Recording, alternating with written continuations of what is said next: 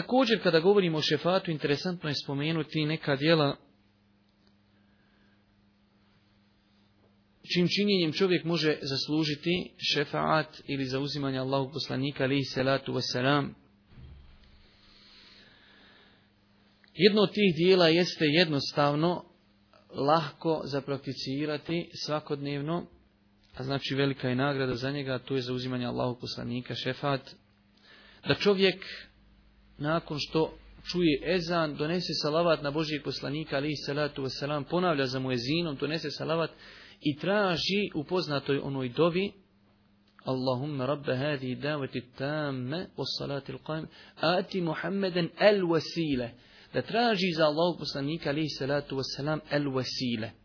E šta je to el wasile, čućemo u sljedećem hadisu, Kaže Allahu poslanik alejhi salatu vesselam u hadisku izvrži ima muslim i mnogi drugi ko čuje mu ezina i zatim kaže ono što govori mu ezin.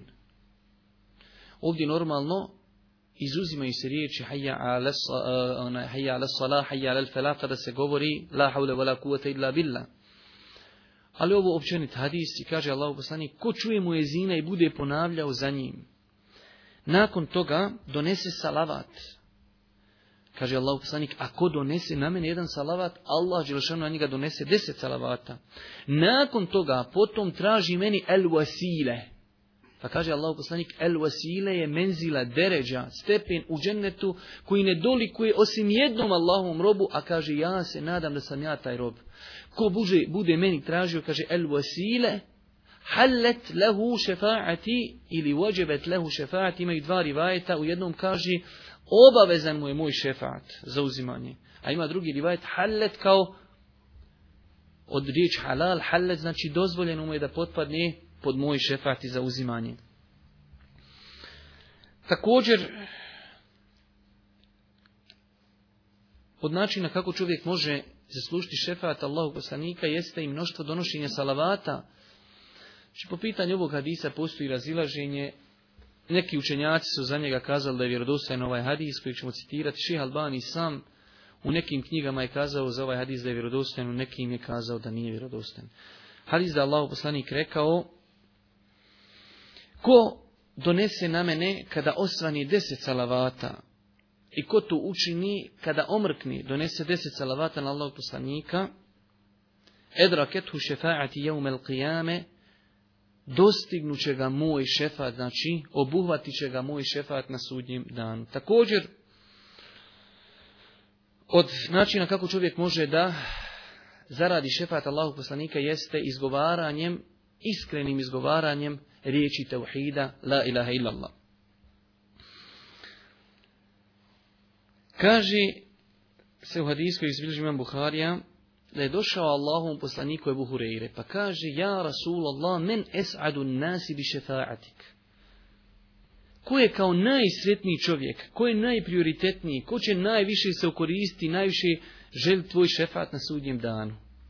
Kaže Allah poslanik, ja sam, kaže Ebu Hureyre, pomislio da me niko neće upisati, upitati taj hadis do ti. Jer sam vidio, kaže, tvoju, kaže, želju za sticanjem hadisa kaže es'adu nasi bi šefa'ati, najsretni ljudi mojim šefatom na sudnjem danu, jesu oni koji kažu la ilaha illa Allah, halisan min kalbihi, iskreno iz njihovog srca. I zadnja stvar, od validnih načina kako čovjek može zaslužiti šefat Allahog poslanika jeste čestim činjenjem seđde. Svima vama je poznato onaj hadis koji izbilježu imam Ahmed, a čiju vjerodostojnost je potvrdio šeha Albani rahmetullahi alihi, da je Allah poslanik imao jednu slugu. Pa dosta puta mu Allah poslanik kaže, imaš li kakvu potrebu? A on je uvijek odbio da kaže, jednog dana mu je došao i kaže, Allah poslanik, imam potrebu da se zauzmiš za mene na sudnjem danu, da činiš šefat za mene. Pa imate raznih predaja da Allah poslanik kaže imaš li šta drugo, kaže ništa osim to. Imaš li, ko ti je to kazao? Pa i tako između ostalog na kraju kaže Allah poslanik e'inni ala nefsi kebi kefratil suđud pomozi meni u tome sa mnoštvom seđdi. Pomozi meni u tome da se ja zagovaram za tebe na sudnjem danu sa mnoštvom seđdi. Što znači mnoštvo seđdi je put da čovjek zaradi i zasluži šefat Allahog poslanika na sudnjem danu. Ovdje smatram isto interesantnim spomenuti onaj da postoji mnogo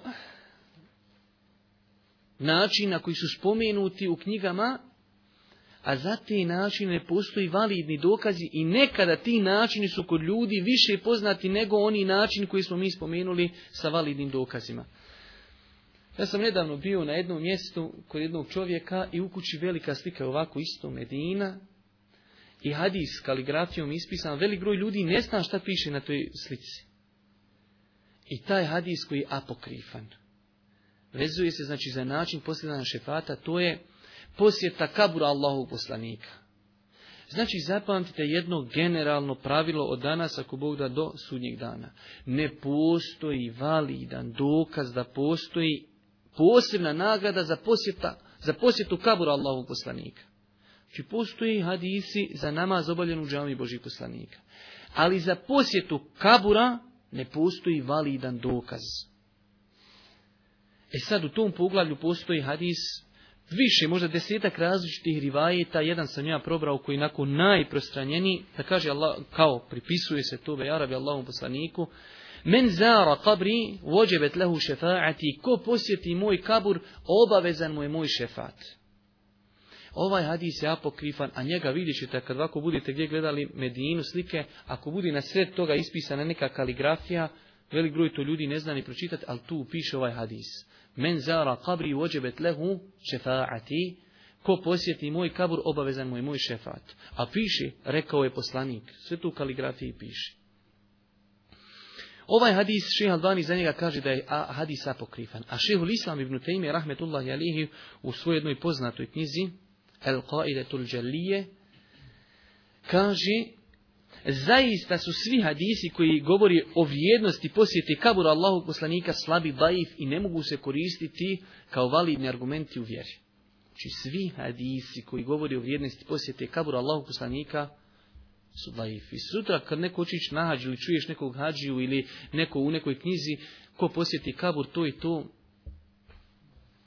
nema. Znači veliki hadijski eksperti su te hadise ocijenili ili žestoko slabim ili apokrifnim.